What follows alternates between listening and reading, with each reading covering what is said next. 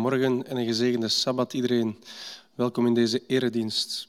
Ik hoop dat iedereen een fijne week achter de rug heeft. Ik heb voor u vandaag twee aankondigingen. Het eerste gaat over uh, koppels. Op zondag 7 maart organiseert het departement Gezinspastoraat een videoconference via Zoom. Uh, het thema daarvan is Leven als koppel in harmonie. Als u zich wilt inschrijven daarvoor, kan dit. En alle informatie vindt u daarvoor terug in het krantje. Ten slotte een herinnering. De federatie viert uh, het 100-jarige bestaan van de VZW.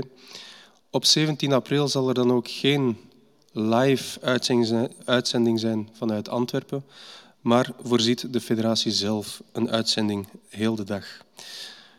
Als u voor deze uh, herinnering aan de afgelopen jaar nog ehm, bestanden hebt, eh, herinneringen hebt die u zou willen doorsturen naar de federatie, kan dat altijd op het e-mailadres info.adventist.be. Dan zou ik deze dienst willen openen met een psalm, waarin ik u voorlees uit Psalm 16. Behoed mij, God, ik schuil bij u.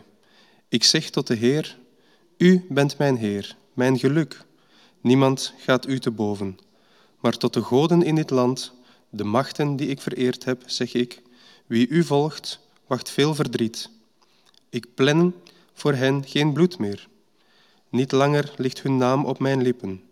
Heer, mijn enig bezit, mijn levensbeker, u houdt mijn lot in handen. Een lieflijk land is voor mij uitgemeten. Ik ben verrukt van wat mij is toebedeeld. Ik prijs de Heer die mij inzicht geeft. Zelfs in de nacht spreekt mijn geweten. Steeds houd ik de Heer voor ogen. Met Hem aan mijn zijde wankel ik niet. Daarom verheugt zich mijn hart en juicht mijn ziel. Mijn lichaam voelt zich veilig en beschut. U levert mij niet uit aan het dodenrijk en laat uw trouwe dienaar het graf niet zien. U wijst mij de weg naar het leven. Overvloedig vreugde in uw nabijheid, voor altijd een lieflijke plek aan uw zijde. Laten we bidden.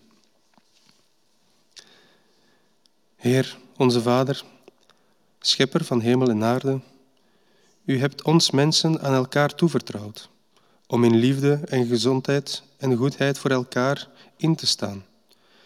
Zegen alle mensen, vaders, moeders, kinderen, die in liefde en trouw met elkaar verbonden zijn. Heer, wij vragen u om vrede, wijsheid en kracht, zodat wij de wereld kunnen bekijken met de ogen vol liefde en mededogen. Dat wij geduldig mogen zijn, begrijpend, wijs en zacht. Help ons onze medemens te zien zoals u hen ziet, om telkens opnieuw het goede in elke mens te zien. Sluit onze oren voor alle laster en behoed onze tongen voor kwaadsprekerij, zodat allen die ons ontmoeten uw aanwezigheid mogen ervaren.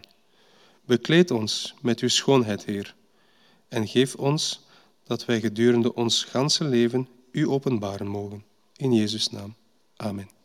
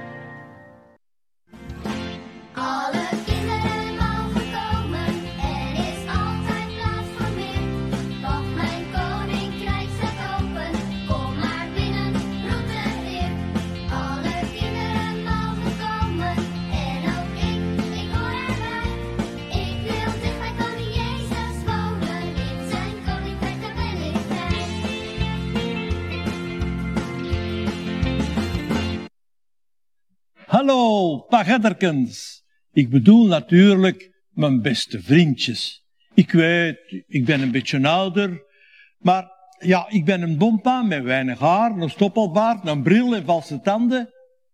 En toch zijn jullie mijn vriendjes.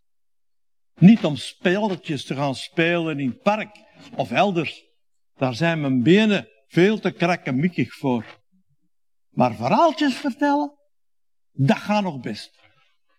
Tot op een dag dat ook mijn stem maar krakkemikkig zal worden. Enfin, vandaag ben ik er. En ik hoop jullie ook. In afwachting dat we allemaal weer samen in de kring kunnen zitten en op het einde chocolaatjes uitdelen, moeten we het voorlopig maar langs de kijkbuis doen. Zijn we er klaar voor? Ik hoor niks. Hallo, ik hoor niks. Zijn we er klaar voor? Ah, nu heb ik het gehoord. Dan kunnen we eraan beginnen. Het is weer van er was eens. En nee, het is geen sprookje, zoals wel eens aan kinderen verteld wordt. Maar deze was eens is echt ten dichte gebeurd. Weliswaar heel lang geleden, maar het is wel echt gebeurd. Het, het verhaal gaat over een prins. Of een prinske. Want hij was nog heel klein toen ons verhaal begint. Hij was het zoontje van een koning. En een koning in een heel ver land. Dat land heette Juda. En Juda is een deel van Israël. Weten jullie waar Israël ligt? Heel ver van hier, hè? Te voet kom je er niet hoor. Dus blijven we maar bij ons verhaal. Want het is niet alleen heel ver, maar het is ook heel, heel lang geleden. Ons prinsje heette Joas. Een naam die we bij ons zeker zouden Johan kunnen noemen. Zijn vader was koning Hazaja. Dat klinkt zo'n beetje als Jansus, maar, maar dan toch anders. Zijn grootmoeder heette Atalia. Vandaag zeggen wij Natalia. Die grootmoeder, die de vrouw was van de vorige koning, was een heel slechte vrouw. Moest dit verhaal een sprookje zijn, dan was zij de toverheks. Maar nu is het de vroegere koningin, maar zeker geen goede koningin. De vader van de kleine Joas was, had samen met zijn koninklijke buur, die heette Joram, oorlog gevoerd tegen een gemeenschappelijke vijand. Tijdens het gevecht was hij zwaar gewond geraakt en hij stierf. En zoals het in het, in het echte leven gaat, de koning is dood, leven de koning. De nieuwe koning dan. Maar dat had men niet met Natalia, die vroegere koningin moeder, gerekend. Zoals ze al gezegd hadden, was zij een boze vrouw. En toen hoorde dat haar zoon, de koning, dood was, wilde ze zelf op de troon gaan zitten. En met een sluw plan kwam ze ertoe om koningin te worden. Maar Josabat, dat was de zus van de gedode koning, had zijn zoontje, de kleine prins Joas, stiekem weggenomen. En samen met zijn verzorgster ergens verstopt. Josabat, zijn tante dus, was getrouwd met Jojada. Jojada was een priester die de dienst deed in de tempel van Jeruzalem. Ergens in een hoekje van die grote tempel was er een achterplaats waar bedden werden opgeslagen. Die tempel was heel wat anders dan onze kerkgebouwen vandaag. De dienstdoende priesters leefden in dat gebouw en moesten er ook slapen. Vandaar dat beddenmagazijn, een opslagplaats voor bedden. De kleine Joas groeide op binnen de grote ruimte van dat grote tempelgebouw. Zijn wieg stond tussen al de bedden van al die andere bedden die daar stonden. En hij kreeg de bijzondere zorgen van zijn tante Josabat, de zus van de overleven koning. Vooral het eerste jaar moest hij verborgen blijven, want zijn grootmoeder, die intussen koningin was, die mocht niet weten dat hij nog leefde. Zijn eerste stapjes, die waren in de keuken van zijn tante, die pannenkoeken bakte. Als kleine rakker was hij een echte pagadder. Hij speelde achteraan in de hoek van de zuilengalerij.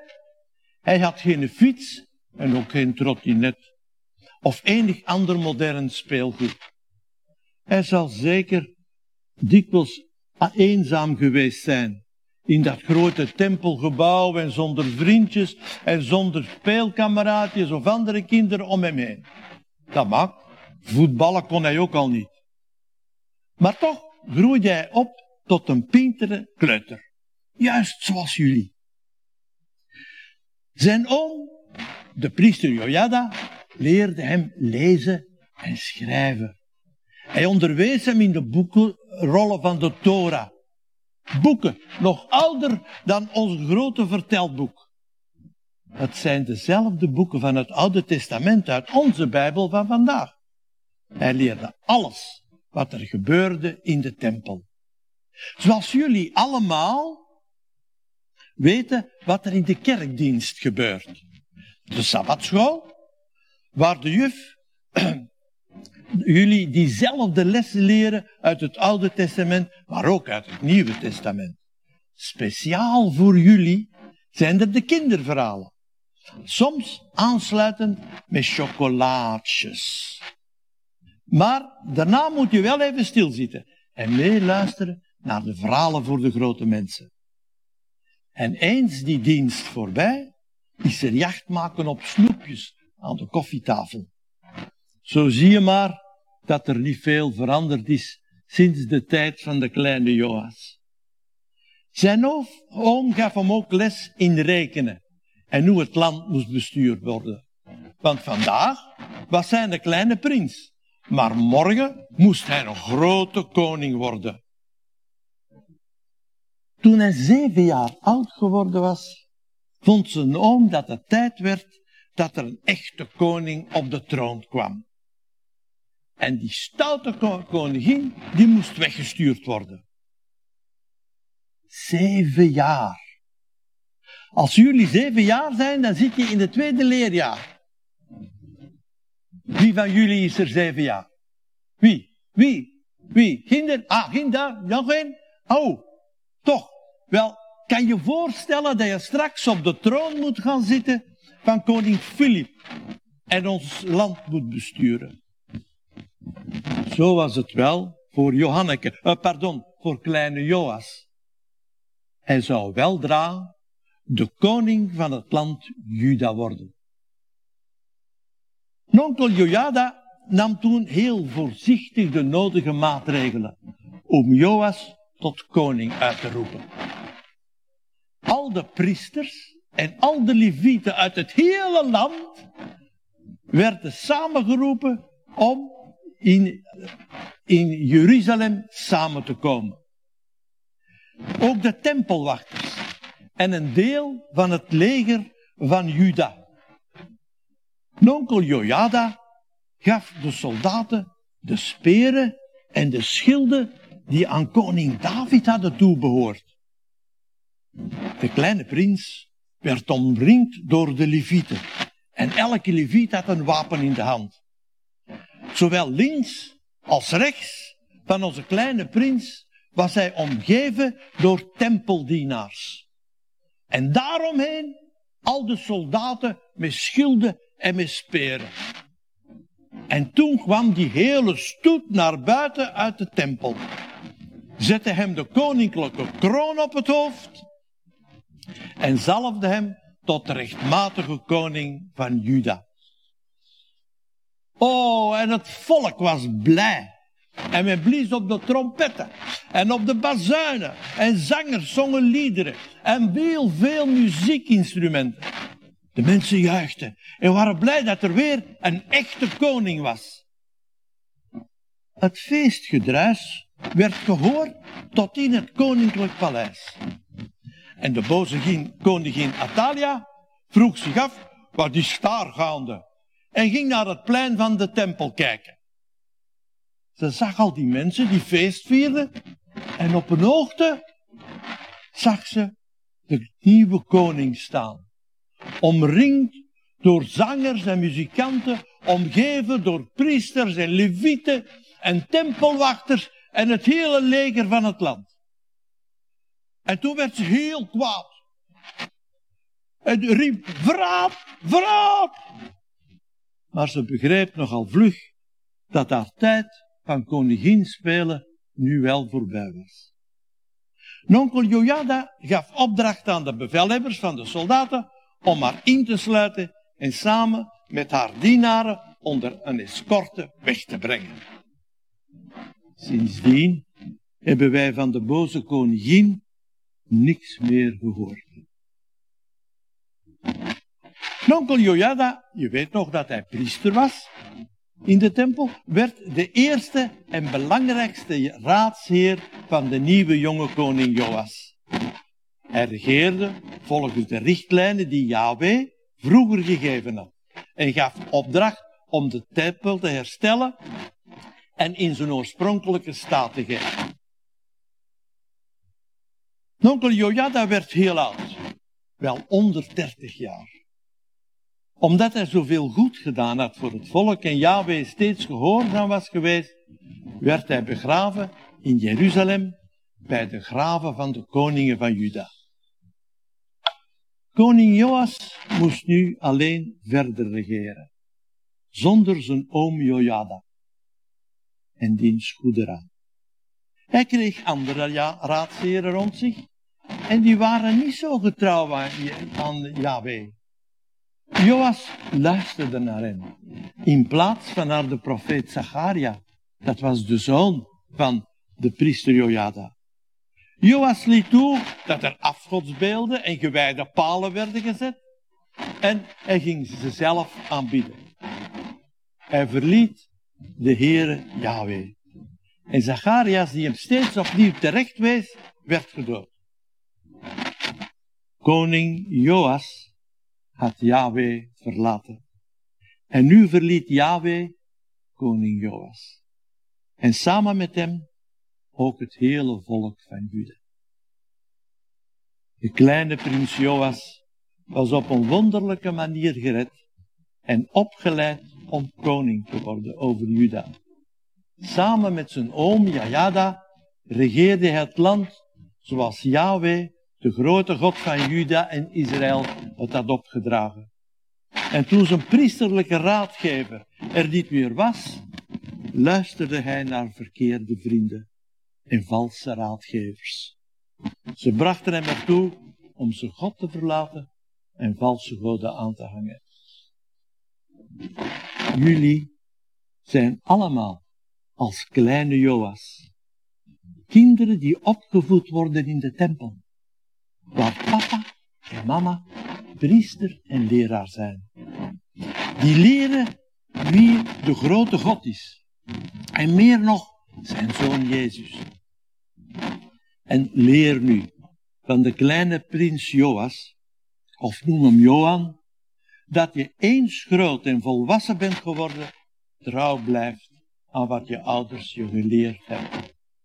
Herinner je steeds het verhaal van de kleine prins Joas, die dan wel koning werd, maar eens groot en volwassen zich verkeerde vrienden maakte en alle raadgevingen van zijn oom Jojada vergat. En dan ook Yahweh ging vergeten. En jullie kennen beslist dat verhaal waarin Jezus zei, laat de kinderen tot mij komen, want voor hen is het koninkrijk der hemel. Lieve jongens en meisjes, blijf maar lang op zijn schoot zitten. Dan ben je de eerste om hem te ontmoeten als hij weer komt. Zo jongens en meisjes, dat was ons verhaal voor vandaag. En nu mag u allemaal een chocolaatje komen halen.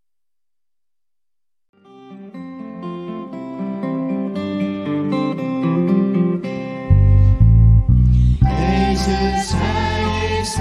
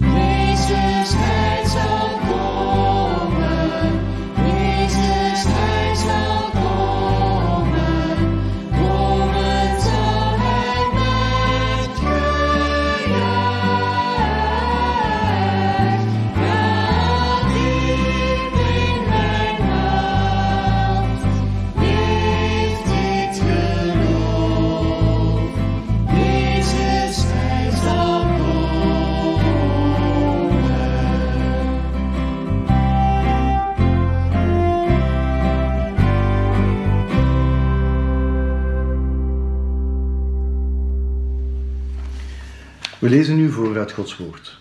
Rechters, hoofdstuk 8, versen 22 en 23. De Israëlieten zeiden tegen Gideon: U hebt ons bevrijd van de Midianieten. Daarom willen we dat u onze koning wordt, en daarna uw zoon en uw kleinzoon.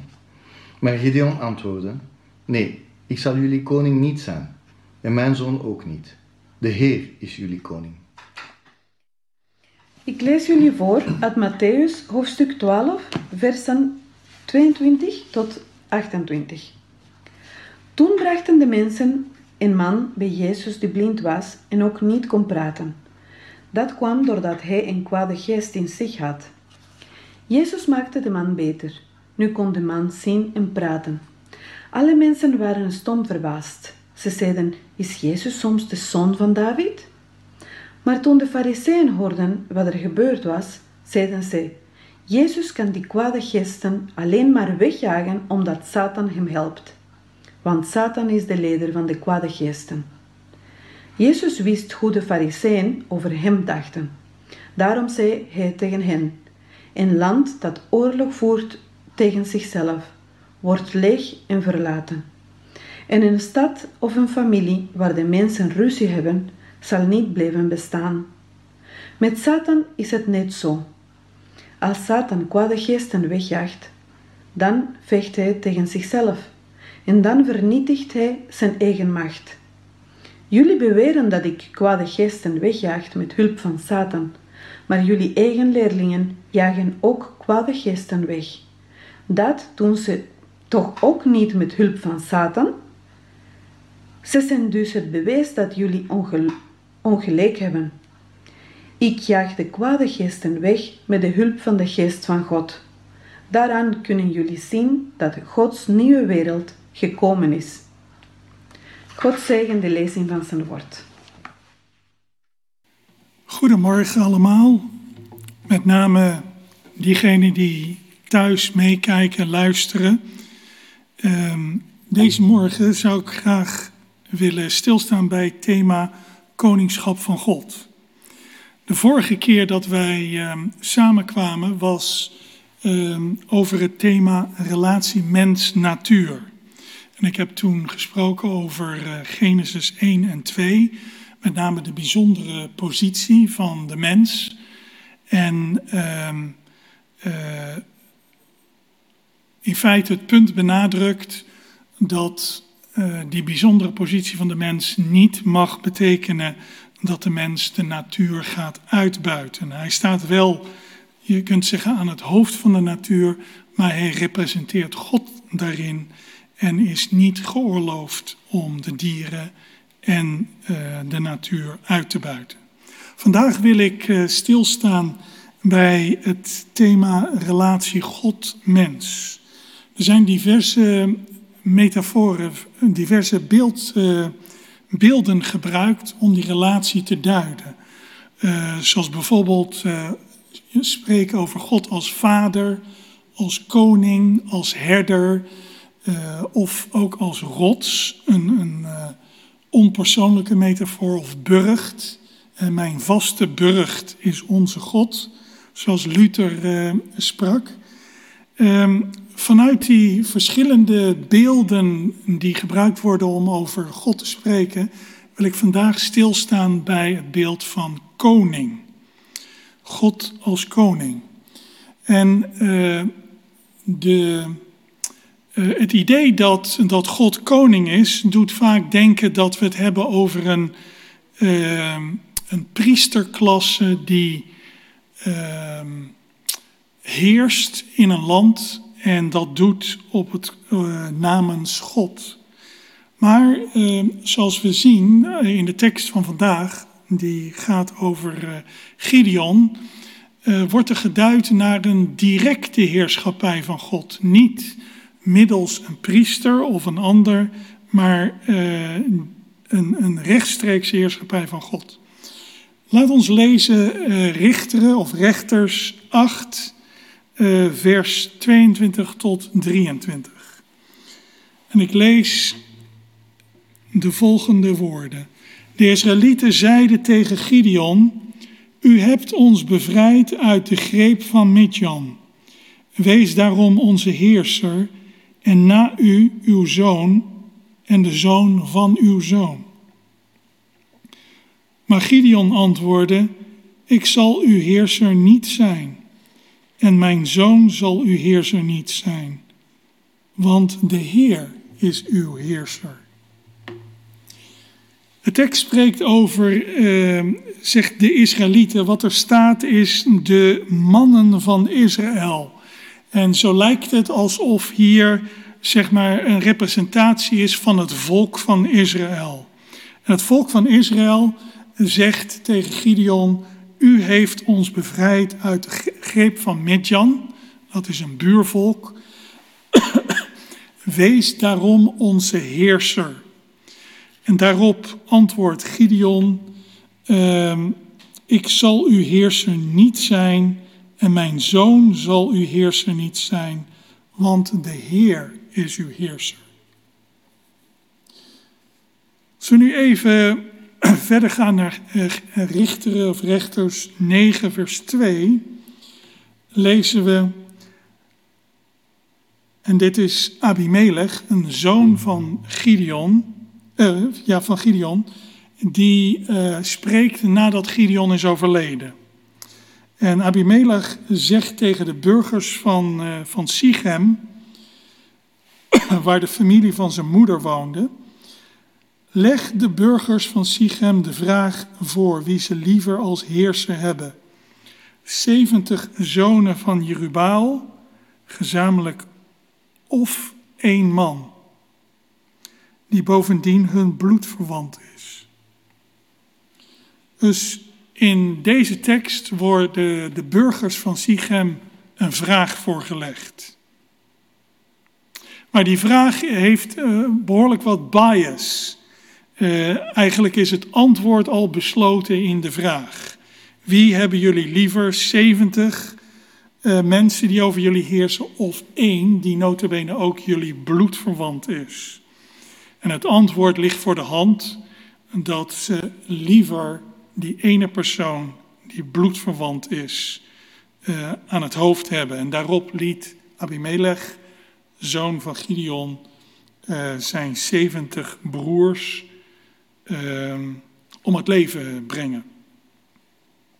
Het woord dat hier gebruikt wordt in ehm, de tekst die ik zojuist gelezen heb, waar het volk dus tegen Gideon zegt, hè, u moet over ons heersen. Gideon zegt nee, de Heer zal over jullie heersen. En vervolgens dat uh, Abimelech, de, de burgers van Sichem, zegt, wie uh, willen jullie liever dat er heerst over jullie? 70 mensen of één persoon die jullie bloedverwant is. Dat zijn de enige plekken in Richteren waar gesproken wordt over heersen in verband met de God van Israël. Want de twee andere plekken uh, waarover uh, heersen gesproken wordt, met name dit uh, werkwoord, dat heeft betrekking op het heersen van de Filistijnen. Een ander woord waar ik stil bij wil staan in deze tekst over Gideon is het woord bevrijden. Um, de Israëlieten, die, um, de mannen van Israël, die zeggen tegen Gideon: uh, U hebt ons bevrijd uit de greep van Midjan.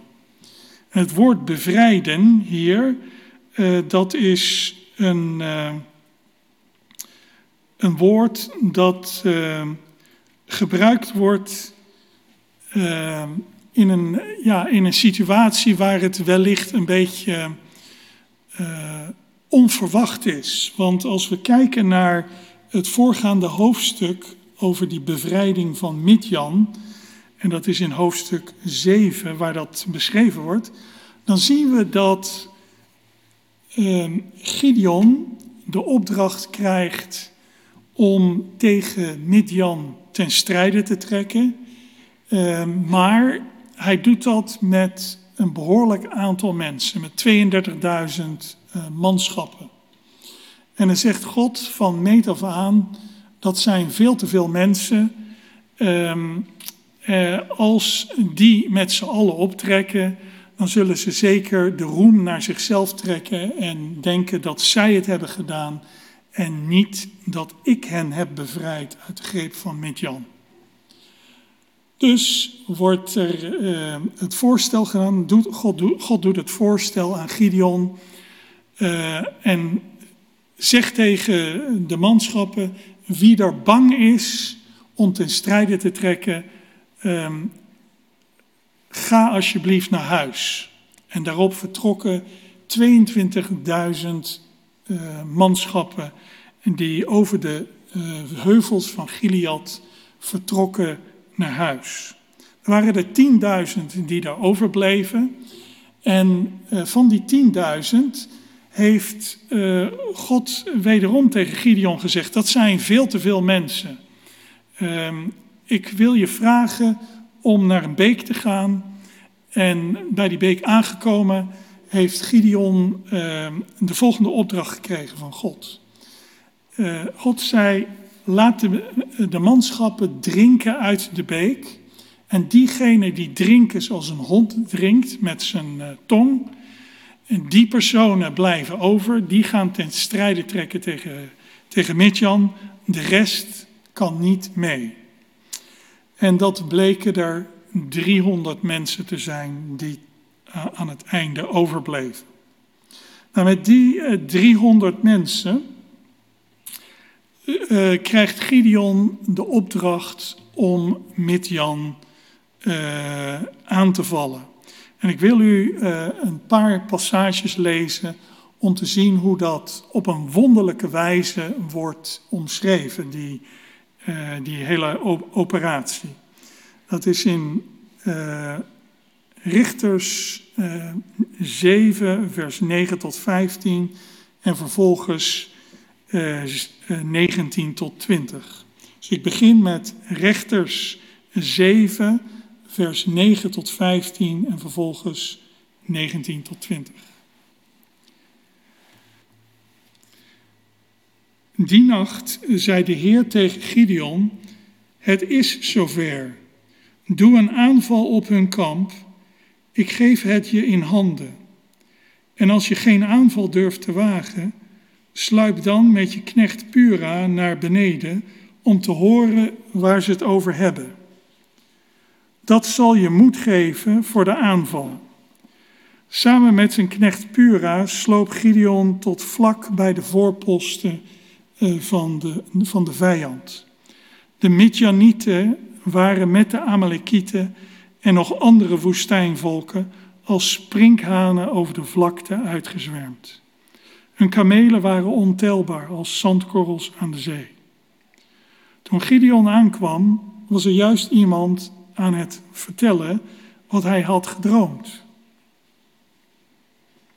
Wat ik nu toch gedroomd heb, zei hij.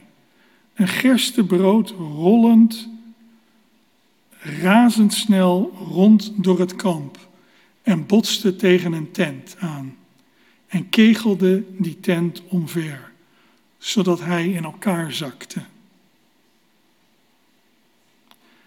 Dat kan niet anders zijn dan dat het zwaard van de Israëliet Gideon, de zoon van Joas, verklaarde een kameraad. Dat betekent dat God hem, ons en ons hele kamp in zijn handen heeft gegeven. Zodra Gideon de droom en de uitleg ervan gehoord had, boog hij zich dankbaar neer. Terug in het kamp spoorde hij de Israëlieten aan. Het is zover.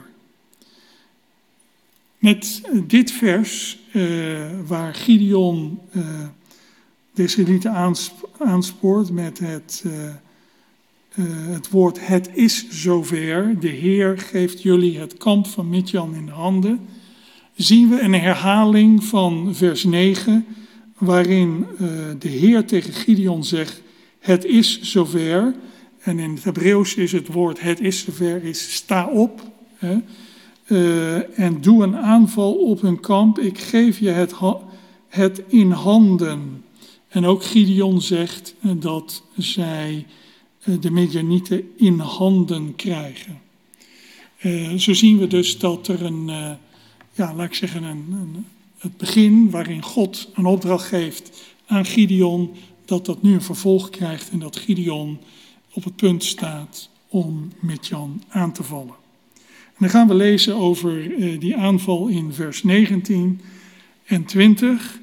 Aan het begin van de middelste nachtwaken, vlak na de wisseling van de wacht, kwam Gideon met zijn groep van 100 man bij de voorposten van het kamp. Dat is het kamp van, van de Midjanieten. Ze bliezen op hun ramshoorns en sloegen de kruiken die ze bij zich hadden aan stukken. Alle drie de groepen bliezen nu op hun ramshoorns en sloegen hun kruiken kapot. Ze hielden hun fakkels in de linkerhand en hun ramshoorns in de rechter en schreeuwden: Te wapen voor de Heer en Gideon. Ze bleven rond het kamp staan en brachten de Midjanieten in rep en roer. Terwijl de 300 Israëlieten op hun ramshoorns bliezen, liet de Heer de Midianieten in heel het kamp het zwaard tegen elkaar opnemen, tot ze uiteindelijk op de vlucht sloegen in de richting van Serera eh, naar Bet Hasita, tot aan de rivieroever Abel Mechola eh, boven Tabat. Hier zien we dus over een, ja, een oorlog, een strijd tegen Midian. En uh, we lezen dat het toch een vrij wonderbaarlijk gebeuren is. Allereerst dat God eh, tegen Gideon zegt: Je leger is te groot. Er worden eerst uh, 22.000 mensen gaandeweg. Vervolgens uh, blijven er nog eens 9700 die weggaan en blijven er uiteindelijk 300 over. Een wiskundig calculatie. Wat, uh, dat is een opmerkelijke manier van oorlog voeren zonder mensen. Uh, wat de nadruk uh, volledig legt op dat dit een kracht, een daad van God is. En niet zozeer van een leger dat met alle macht uittrekt. Vervolgens zien we dat Gideon zegt: Het is zover. Hè? Sta op, de Heer geeft jullie het kamp van Midjan in handen. En met andere woorden, eh, in Richteren 6 zien we dat de volledige nadruk wordt gelegd op God, die deze oorlog tot een goed einde zal brengen. En niet zozeer de tactiek of uh, de kracht van het, uh, het volk Israël. Um, en dat is belangrijk als we verder lezen bij die aanstelling van een koning. Want het volk, nadat deze eh, strijd goed is beslecht, eh, die zegt tegen Gideon: Wees onze heerser eh, na u, uw zoon en de zoon van uw zoon. Maar Gideon zegt tegen ze: Ik zal niet over jullie heersen, noch mijn zoon zal over jullie heersen. De Heer zal over jullie heersen. Dat antwoord van Gideon, dat klinkt eigenlijk heel positief. Met name als we denken aan de tekst in 1 Samuel 8, waar de profeet Samuel wordt geconfronteerd met een vraag van het volk Israël. En eh, Israël die zegt, benoem een koning om ons te besturen, zoals bij de andere volken. En je zou eens kunnen zeggen dat Gideon die dit afwijst en die geen koning wil zijn, dat die eigenlijk een, een prachtig voorbeeld zou zijn en een goede vriend zou zijn van, van de profeet Samuel. Maar er zijn wat kanttekeningen te plaatsen bij dit verhaal. En ik wil kort op twee zaken uh, de aandacht vestigen. Allereerst lezen we in vers 22 dat het volk uh, zegt Um, u hebt ons bevrijd uit de greep van Midjan. Wees daarom onze heerser. En het is opmerkelijk dat als het uh, volk dit zegt, uh, dat Gideon in zijn antwoord niet uh, deze zaak tegenspreekt. Hij spreekt alleen over dat, het, ja, dat hij geen heerser wil zijn en dat de Heer heerser zal zijn. En dat, het feit dat hij het niet tegenspreekt is zeker opmerkelijk, omdat we in Richteren 7, vers 2 zo even gelezen hebben eh, dat uh, uh, God tegen, tegen Gideon zegt: Het leger dat je bij je hebt is veel te groot. Ik lever de Midjanieten niet aan jullie uit, want ik wil niet dat Israël zich erop beroemt dat het zich op eigen kracht heeft bevrijd. Dus met andere woorden, dit verhaal er wordt van meet af aan duidelijk gemaakt, en dat is zeker eh, te zien eh, in de manschappen, dat hij uiteindelijk alleen maar met 300 eh, mensen ten strijde mag trekken, dat een belangrijk thema in dit verhaal is dat God bevrijdt en niet ehm, het volk Israël door zijn, zijn kracht als leger of Gideon, die een, eh, een, goed leider zou zijn, alhoewel dat niet expliciet vermeld wordt. Dus het is opmerkelijk dat Gideon dit uh, niet tegenspreekt. En toen ik deze tekst las, toen deed het me een beetje denken aan die passage die we lezen in Exodus 32. Uh, dat passage over het gouden stierkalf. En ik wil u uh, het volgende voorlezen uit deze passage. Dus Genesis 32, vers 4.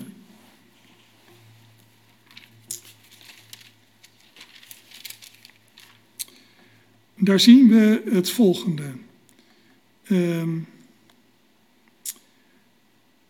dus het, uh, het, volk Israël zegt uh, dat uh, ja, wat er met die Mozes aan de hand is, dat weten we niet. en ehm, Aaron, die de, ja, het vuur aan de schenen wordt gelegd, die zegt: Neem dan uw vrouwen, zonen en dochters hun gouden oorringen af en breng die bij mij. Hierop deden de Israëlieten zonder aarzelen hun gouden oorringen af en gaven die aan Aaron. Alles wat ze hem brachten, smolt hij om en hij goot er een beeld van in de vorm van een stierkalf.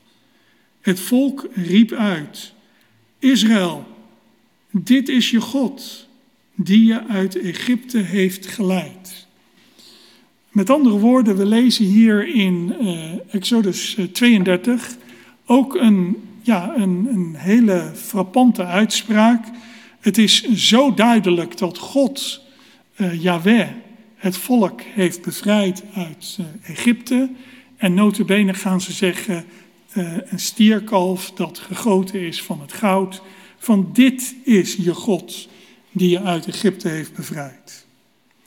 Het is eigenlijk ook in deze tijd, uh, in deze tekst van Richters, waar Aaron, net als in de tekst van Richters, zien we dat Aaron ook de uh, het volk niet tegenspreekt. Uh, het volk zegt, jullie, uh, het volk zegt, hier, hè, dit, dit is je God die je uit Egypte heeft bevrijd. Aaron spreekt dat niet tegen en bouwt een altaar voor het beeld waarop de brandoffers de volgende dag gebracht worden. Een andere opmerkelijke parallel met deze twee teksten. Dus uh, de passage over Gideon, die, waarvan gezegd wordt: U heeft ons bevrijd uit de greep van Midjan. En de passage uit Exodus 32, waar uh, het volk Israël zegt: uh, Dit is jouw God. Dat stierkalf die je uit Egypte heeft bevrijd. een andere parallel is het inzamelen van het goud. Um, dat zie je, dat is opvallend. Uh, dacht ik dat in beide uh, situaties waar er een miskenning plaatsvindt van het koningschap van God, uh, dat in beide passages goud wordt ingezameld en dat dat gebruikt wordt voor valse aanbidding.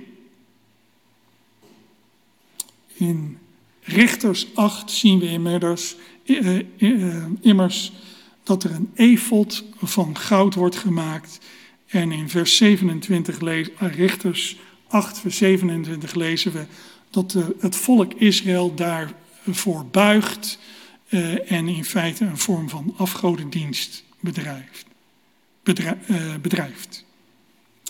Ik wil deze tekst uit Richters nu verlaten en het verhaal van Gideon en een tweede verhaal vertellen. En dat vinden we opgetekend in Matthäus 12, vers 28 tot, uh, van 22 uh, tot 28. En we dat zojuist de schriftlezing van gehoord. Het is een verhaal over Jezus die een genezing doet. En er is een man die eh, blind geboren is en dat gewijd wordt aan een, uh, een bezetenheid. En uh, Jezus geneest deze persoon en daarvan wordt, daar is het volk heel sterk van onder de indruk. Zij denken van, hé, hey, dit is toch wel een heel bijzonder persoon. Zou hij misschien de zoon van David kunnen zijn?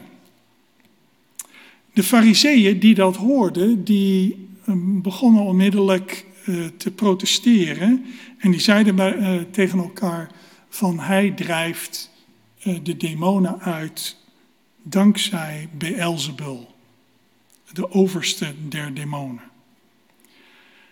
Jezus wist wat er gesproken werd en zei het volgende. Hij zei, als nu een koninkrijk verdeeld is tegen het zel- zichzelf, ehm, hoe kan dat stand houden? Immers, als ik Beelzebul gebruik om demonen uit te drijven, dan is in feite het koninkrijk van Beelzebul tegen zichzelf in strijd.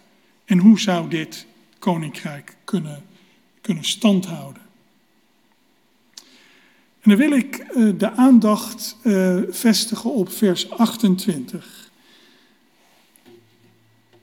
Daarin staat het volgende. Dus Jezus heeft eerst aangetoond dat de logica eigenlijk niet klopt en dat uh, de claim dat Jezus het door uh, Beelzebul doet, dat dat gewoon niet klopt. Vervolgens zegt hij, maar als ik, en dat is de conclusie van, van het geheel, maar als ik door de geest van God demonen uitdrijf, dan is het koninkrijk van God bij jullie gekomen, op jullie gekomen. Dat is een zeer belangrijke passage uh, waarvan we zien dat Jezus van mening was dat door zijn genezend handelen, dat hij het koning, koningschap van God, je zou kunnen zeggen dat hij dat binnenbracht bij de mensen. Dat hij dat uh, uh, bij het volk uh, doet komen. Dus we leren uit deze passage dat het koninkrijk, wat eigenlijk beter vertaald kan worden als koningschap van God, dat dat uitgeoefend wordt middels een Messias, een zoon van David, waar het volk over spreekt. En die Messias, dat die genezingen, uh, genezende handelingen verricht. Met andere woorden, het koningschap van God wordt verbonden met genezingen en met een Messias die deze genezingen doet. We zien dat ook in uh, andere teksten, bijvoorbeeld als Jezus in de synagoge aantreedt in Nazareth, bij het begin van zijn missie. En dan wil ik uh, voorlezen uit Lucas 4, vers 16. Uh, daar staat het volgende. Jezus wordt daar een schriftrol uh, aangegeven van het boek Jesaja. En in vers 16 lezen we dan het volgende. Um, hij kwam ook in Nazareth, waar hij was opgegroeid, en, de volgende, en volgens zijn gewoonte ging hij op sabbat naar de synagoge. Toen hij opstond om voor te lezen, werd hem de boekrol van de profeet Jesaja overhandigd. En hij rolde hem af uh, tot de plaats waar het volgende geschreven staat. De geest van de Heer rust op mij, want hij heeft mij gezalfd om aan armen het goede nieuws te brengen. Uh, hij heeft mij gezonden om aan gevangenen hun vrijlating bekend te maken en blinden het herstel van hun zicht, om onderdrukte hun vrijheid te geven, om een genadejaar van de Heer uit te roepen. Tekst die hij citeert uit profeet Jesaja in hoofdstuk 61. We zien dus dat in deze lezing in de synagoge van Nazareth, bij het aantreden van Jezus met het begin van zijn missie, dat Jezus heel duidelijk maakt dat zijn missie in het teken staat van bevrijding. En in dit geval zie je dat mensen die in de gevangenis zitten, mensen die blind zijn uh, en andere ziektes hebben, dat die uh, bevrijd worden van deze uh, ziektes. We zien een andere bevestiging, zien we in Johannes de Doper, die op een gegeven moment in een gevangenis zit. En ja, het is niet onbegrijpelijk dat hij dan zich afvraagt, waar ben ik mee bezig? En, en is die Jezus wel ja, degene waar wij op hopen? Want Johannes die stuurt zijn discipelen naar Jezus toe met de volgende vraag. Bent u degene die komen zou of moeten wij een ander verwachten? En wil ik Matthäus 11, vers 2 lezen, waar het antwoord van Jezus staat op die vraag van Johannes. Daar lezen we dus Matthäus 11, vers 2. Uh, vers 4. Uh, Jezus antwoordde: Zeg tegen Johannes wat jullie horen en zien. Blinden kunnen weer zien, verlamden weer lopen, mensen met huidvraat worden gereinigd, doven kunnen weer horen, doden worden opgewekt en aan armen wordt het goede nieuws bekendgemaakt. Gelukkig is degene die aan mij geen aanstoot neemt. Hier zien we dus dat zowel in die passage die handelt over het aantreden van Jezus in zijn uh, dienst, uh, als uh, de vraag van Johannes, dat die beide de nadruk leggen op Jezus handelen, genezend handelen. wat dus kortom aantoont dat het koningschap van God, zoals Jezus dat zich voorstelde, dat dat duidelijk in relatie is met zijn genezingen die hij uh, uh, deed en uh, duidelijk in relatie is tot het handelen van een Messias. Niet zomaar genezingen, maar genezingen middels een Messias. In het oude Egypte zien we dat een koning vaak als een goddelijke figuur wordt voorgesteld. En later in de geschiedenis van Egypte zien we dat koningen beschouwd worden als eh, vertegenwoordigers eh, van de godheid op aarde. We zien dat dat idee van uh, dat een koning of een ander, een keizer, in een goede relatie staat tot de godheid, zien we ook in diverse andere culturen. Grieks-Romeinse Rijk natuurlijk, waar de Caesar een dergelijke positie innam.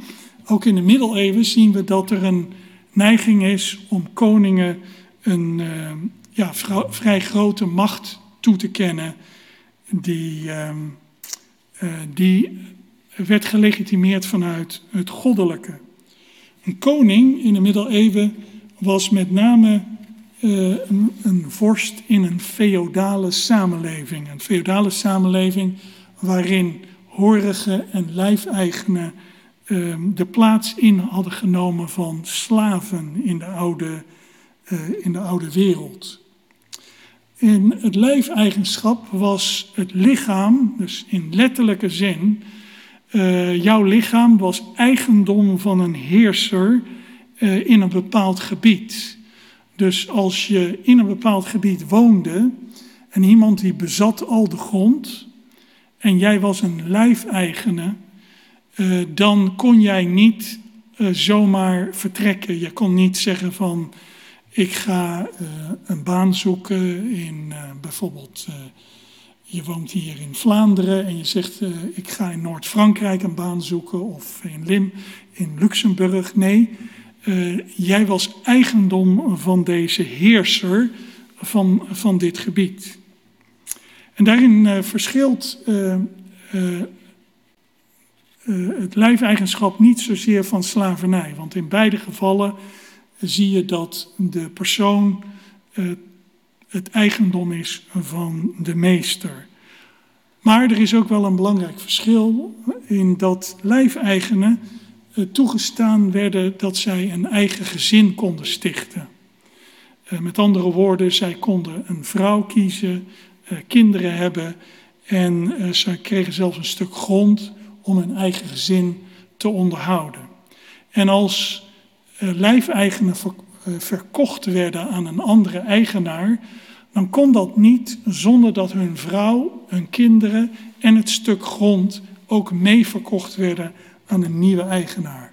En daarin verschilt het lijfeigenschap uh, heel duidelijk van slavernij, waar dat niet het geval was bij slaven in de oudheid, maar ook nog uh, uh, vrij recent in, in, de nieuwe wereld, Eh, slaven konden verkocht worden, ook al hadden ze eh, een, een, vrouw die niet officieel hun vrouw was en kinderen.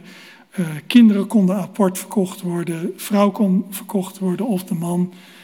dat maakte in die tijd niets uit. Slavernij en lijfeigenschap is gelukkig voorbij. Ehm, in Engeland werd dat in 1833 afgeschaft. In Amerika 1865 en in België en in, de Nederlanden eh, rond eh, 1794, 1798. Waarom ik eh, dit vertel, eh, die, jaartallen, omdat de Franse revolutie die brak uit in 1789. Dus precies in deze tijd dat slavernij werd afgeschaft. En we zien dus dat er een, uh, we zien hier eigenlijk dat er een, een switch uh, plaatsvindt van, uh, je kunt zeggen, een absoluut heersen, waar iemand macht heeft over jouw lichaam en over alles, wie je, wie je bent. En dat wordt in feite aan de kant geschoven en dat wordt geassocieerd met een koning. Dus een koning was eigenlijk een symbool van een tijd waarin je als mens uh, niet een, niks te zeggen hebt over je eigen lichaam en over je eigen leven. De, uh, het koninkrijk, uh, koningschap van God, dat wordt heel anders be, belicht in, in de Bijbel. Zo zien we bijvoorbeeld in Exodus en het verhaal van Gideon, wat we zojuist gelezen hebben, dat het koningschap van God wordt geassocieerd met bevrijding en met een bevrijder. In Exodus is dat heel duidelijk dat God uh, middels een aantal wonderen uh, het volk uitleidt uit Egypte door de woestijn naar het beloofde land. ook met Gideon, waar we zojuist hebben stilgestaan, hebben we duidelijk gezien dat het een handelen van God is. En dat God als heerser, wat in, in Richteren 8 vers uh, 22 door Gideon 23 door Gideon wordt benadrukt. God zal jullie heerser zijn. Uh, dat dat heersen in verband ook staat met bevrijding. Alhoewel Gideon dat eigenlijk niet erkent, maar een impliciete kritiek die we zojuist hebben gezien, dat er een afgodsbeeld werd gemaakt uh, en dat eigenlijk erop wijst dat die hele uh, toekenning van, uh, van het volk, u heeft ons bevrijd uit de greep van, van Midjan, dat dat in een context staat van een afgoderij. Het koningschap van God staat dus in verband met, met bevrijden, een, een handeling. Maar het staat ook in verband met bevrijdende wetgeving. En daarvan wil ik een aantal uh, dingen um, belichten. Zoals bijvoorbeeld de Sabbat, waar ik vorige keer uh, bij stil heb gestaan. Dat de Sabbat een dag is van rust, waarin uh, niet alleen het huisgezin, hè, dus de vader, de moeder, de kinderen en de grootouders, maar ook de slaven en de dieren rusten. Met andere woorden, de Sabbat is een, je zou kunnen zeggen, een, uh, een wekelijks gebeuren waarin slaven tijdelijk worden vrijgesteld. dan zien we dat het Sabbatsjaar, dat we vervolgens en daar wordt er iets aan toegevoegd. Dan zie je dat slaven weer hun, vrijheid kunnen krijgen. Met andere woorden, slavernij in Israël was niet bedoeld als een permanent iets voor je hele leven. En in het jubeljaar, tot slot, zien we dat het land wordt vrijgegeven. En daarmee uh, is eigenlijk de grond van de slavernij, namelijk dat je geen grond meer hebt dat je armlastig bent geworden, uh, die grond die wordt weggenomen. En zo zie je dat de wetgeving uh, omtrent deze zaken, Sabbat, Sabbatsjaar en jubeljaar, uh, dat die ehm, een rechtvaardige impuls geven in de samenleving. Koningschap van God in de schrift zien we dus staat in het teken van bevrijding, maar in de moderne tijd zien we dat dat juist niet het geval is.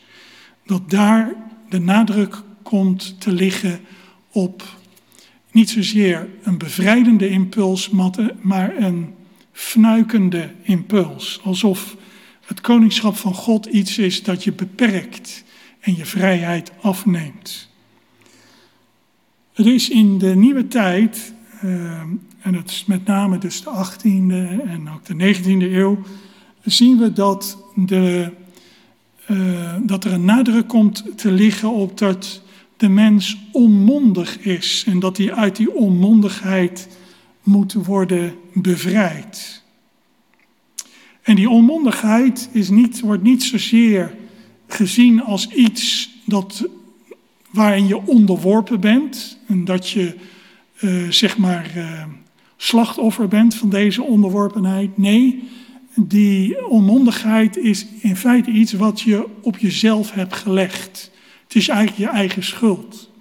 En wat belangrijk is om die onmondigheid te boven te komen, is dat je uh, dat onvermogen om je eigen verstand te gebruiken als richtlijn in je leven, dat je dat onvermogen te boven komt.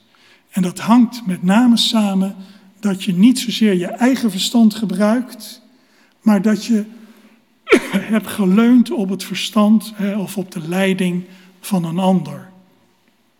En daar wordt impliciet verwezen naar een hoger, uh, hogere macht. Een belangrijk vertegenwoordiger van dit gedachtegoed, uh, ene Immanuel Kant, een Duits filosoof, die zei sapere aude. En, en dat betekent, dat is in het Latijn, heb moed om uw eigen inzicht te volgen. En dat is in feite, je kunt zeggen, het motto van de nieuwe tijd. Waarin we afscheid nemen van een tijd waarin we geleund hebben op een koning. Uh, waar we geleund hebben op uh, een God die koning is. En dat we nu eigenlijk uh, die steun niet meer nodig hebben. En we moeten op onze eigen benen staan en moed he hebben om ons eigen inzicht te volgen. Het is binnen deze context dat Jezus eigenlijk een marginale rol gaat spelen in het geloof. Hoewel dat nooit officieel in beleidenissen is vastgelegd, is het wel door individuele, uh, individuen, individuele theologen uh, gezien. Jezus wordt gezien als een mens. Er is geen plek voor wonderen en uh, er is geen opwekking uit de dood, zoals Jezus dus uh, uh, laat boodschappen aan Johannes de Doper, doden worden opgewekt. Wel, in deze tijd werd geclaimd dat heeft nooit plaatsgevonden. Ehm, ook wordt er van Jezus iets positiefs nog gezegd en dat is dat hij wel een voorbeeld was in moraliteit. Dus zijn handelen was voorbeeldig. En ook wordt er nadruk gelegd op zijn bewustzijn van God. Dat hij een heel bijzonder bewustzijn had van God. Ook nog recentelijk dat uh, mensen dit interpreteren als een uh, bewustzijn van God als Vader. Dat hoeft niet, zeker niet erkend, uh, ontkend te worden, maar als Jezus, de rol van Jezus daartoe beperkt wordt, dan is dat een typische aanpak van de moderne tijd. Die aanpak van de moderne tijd die is nu vandaag nog steeds dominant en nog steeds wijdverbreid onder de volkeren. Het motto van uh, heb moed om je eigen inzicht te volgen is uh, nog een heel belangrijk thema in het denken van de moderne mens hier in België en in Nederland. Hoe kun je binnen zo'n context, binnen zo'n situatie, uh, spreken over het koningschap van God? Hoe kun je spreken over het koningschap van God waarin mensen worden aangemoedigd om niet zozeer op je eigen inzicht te vertrouwen eh, en niet maar te steunen op anderen, met name op God? Dat is best een opgave en het heeft uh, eigenlijk nog geen passende oplossing. Veel mensen zijn hiermee bezig, binnen en buiten het christendom. Er is een kritiek op dit uh, ja, moderne denken gekomen, waarbij mensen als uh, Theodor uh, Adorno en Max Horkheimer, twee Duitse denkers, die aangeven dat uh, het doel van het moderne denken om vrees weg te nemen en om de mens als heer en meester in de wereld te laten optreden, dat dat alleen maar onheil heeft bewerkstelligd. Vertrouwen op eigen verstand als richtsnoer in het leven heeft immers best wel wat teweeggebracht. Ik heb vorige keer stilgestaan bij de ecologische crisis. Maar je zou kunnen zeggen Wereldoorlog 1 en Wereldoorlog 2. En met name in de laatste eh, Wereldoorlog, waar we heel duidelijk een voorbeeld gezien hebben dat het menselijk uh, verstand, de ontwikkeling van wetenschap en technologie, niet bepaald geleid heeft tot vrede, maar juist dat die wetenschap en technologie is gebruikt, is aangezet om oorlog mee te voeren en schrikbarende zaken mee te verrichten. Iemand die dit al heel vroeg in de gaten had, was William Miller, uh, een grondlegger van het Adventisme.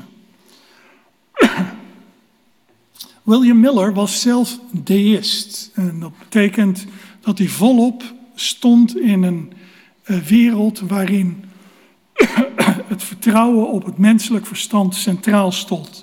En niet zozeer het geloof en het, en, en het steunen op uh, een, een, God uh, om daar je heil van te verwachten. Het deïsme ging ervan uit dat God niet zozeer ingreep in onze wereld, maar ver van deze wereld af en deze wereld maar in, een sop gaar liet koken. William Miller, die op een wonderlijke wijze ook een beetje verbonden is met ons, met, uh, met België. En dat is op de volgende manier. Uh, William Miller in het begin van de 19e eeuw nam deel aan een oorlog tegen Engeland. En die oorlog die eindigde in 1812 met de ondertekening van het zogenaamde Verdrag van Gent. Dus dat is net even aan de andere kant van Antwerpen. Eh, de stad Gent. Daar kwamen eh, de, eh, de vertegenwoordigers samen en die hebben een verdrag gesloten wat het einde van deze oorlog betekende. Wel, William Miller, die in deze oorlog participeerde, die, kwam, die ging de oorlog in als een deïst en die kwam daaruit als een uh, teleurgesteld deïst. Hij zag het eigenlijk niet meer zo zitten. En hij begon uh, zich af te vragen of het uh, menselijk vermogen en menselijk verstand wel zoveel heil bracht. In die tijd was er een nadruk dat de samenleving eerst een tijdperk van vrede en, en welzijn zou bereiken en dat aan dat einde van dat tijdperk, dat mensen dus kunnen realiseren dat aan het einde van het tijdperk dat Jezus zou wederkomen. Met andere woorden, Jezus wacht op zijn beurt als wij eerst onze zaken op, op orde hebben. En dan pas de, uh, denkt hij eraan, dan pas krijgt hij groen licht om, om terug te komen. Wel, William Miller, die zag daar niet veel heil in en begon de boodschap te, te prediken dat Jezus komt voor die tijd van vrede en welzijn. Met andere woorden, Jezus is nodig, het ingrijpen van Jezus is nodig om een vrederijk te stichten. En dat is een fundamenteel andere boodschap uh, dan uh, die, uh, dan die van zijn tijd. En die een typische uh, moderne visie was, uh, waarin de rol van de mens om een vrederijke en, uh, samenleving, een welvarende samenleving te stichten, in die moderne visie stond hij centraal.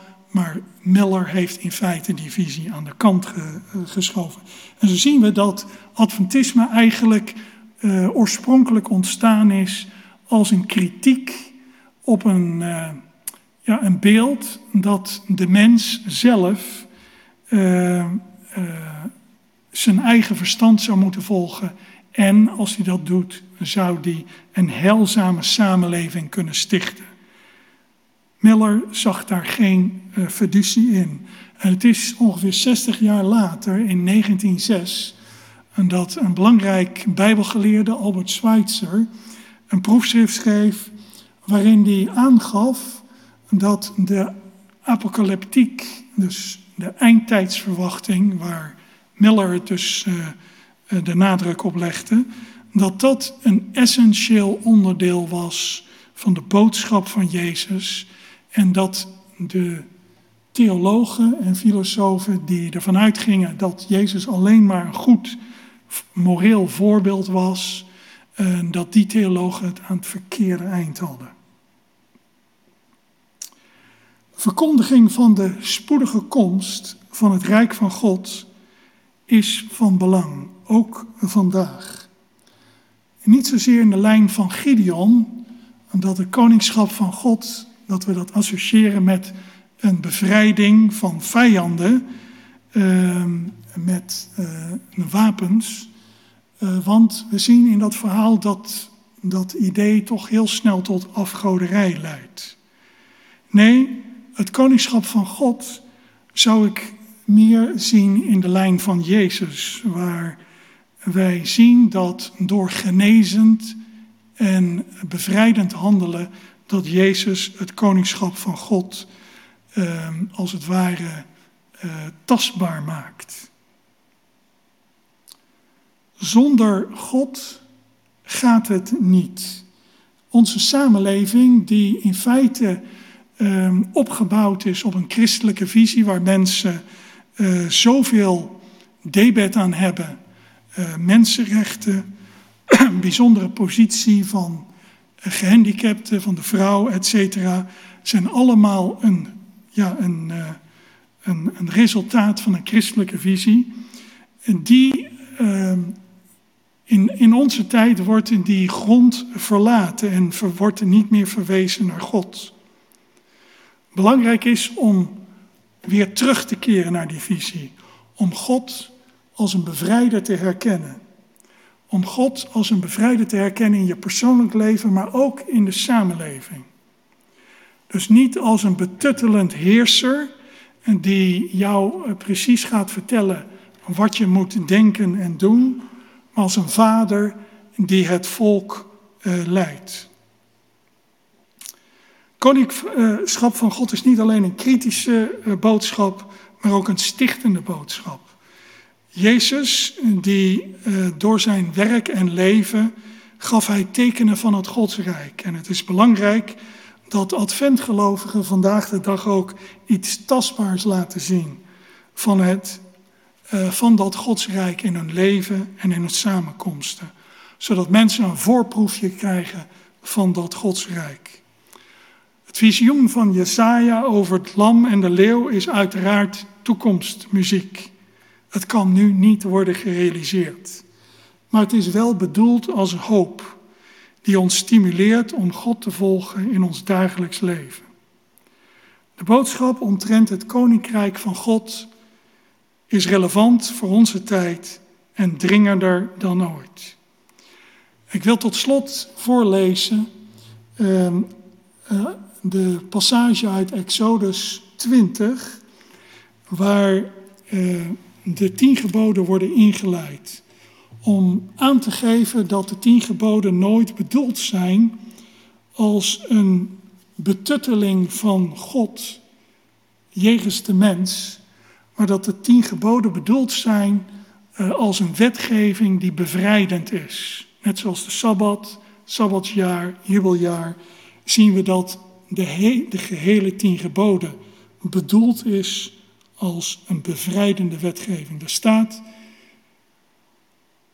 toen sprak God deze woorden, ik ben de Heer uw God die u uit Egypte, uit de slavernij heeft bevrijd. En dan vervolgens begint het eerste gebod. Met andere woorden, het kader van de tien geboden is een bevrijding uit Egypte.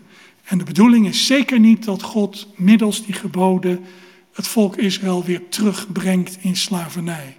Nee, bevrijding is het kader waarbinnen het koningschap van God bedoeld was en nog steeds bedoeld is. Amen.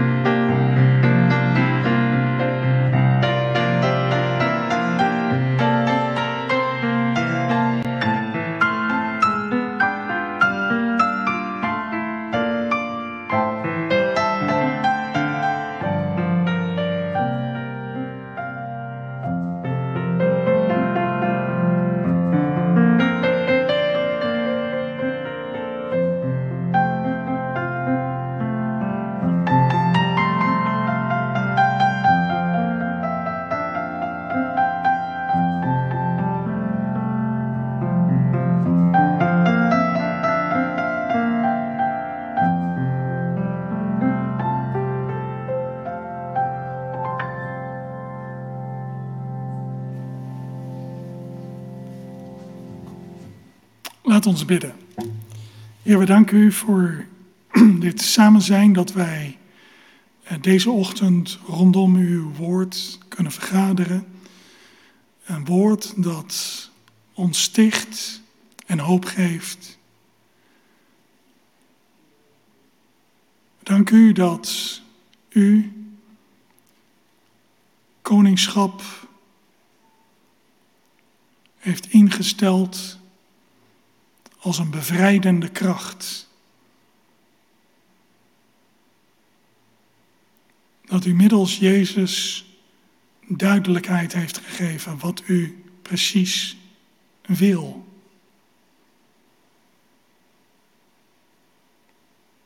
Dat de kracht van dit koningschap wordt aangewend om mensen te genezen en te herstellen. Niet om oorlog te voeren en te doden.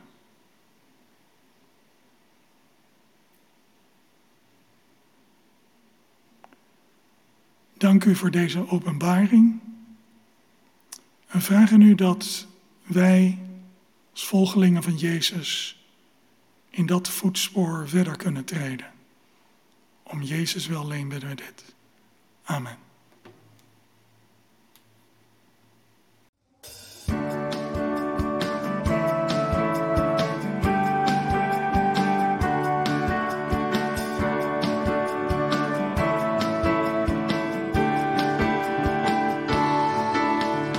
sing for the morning.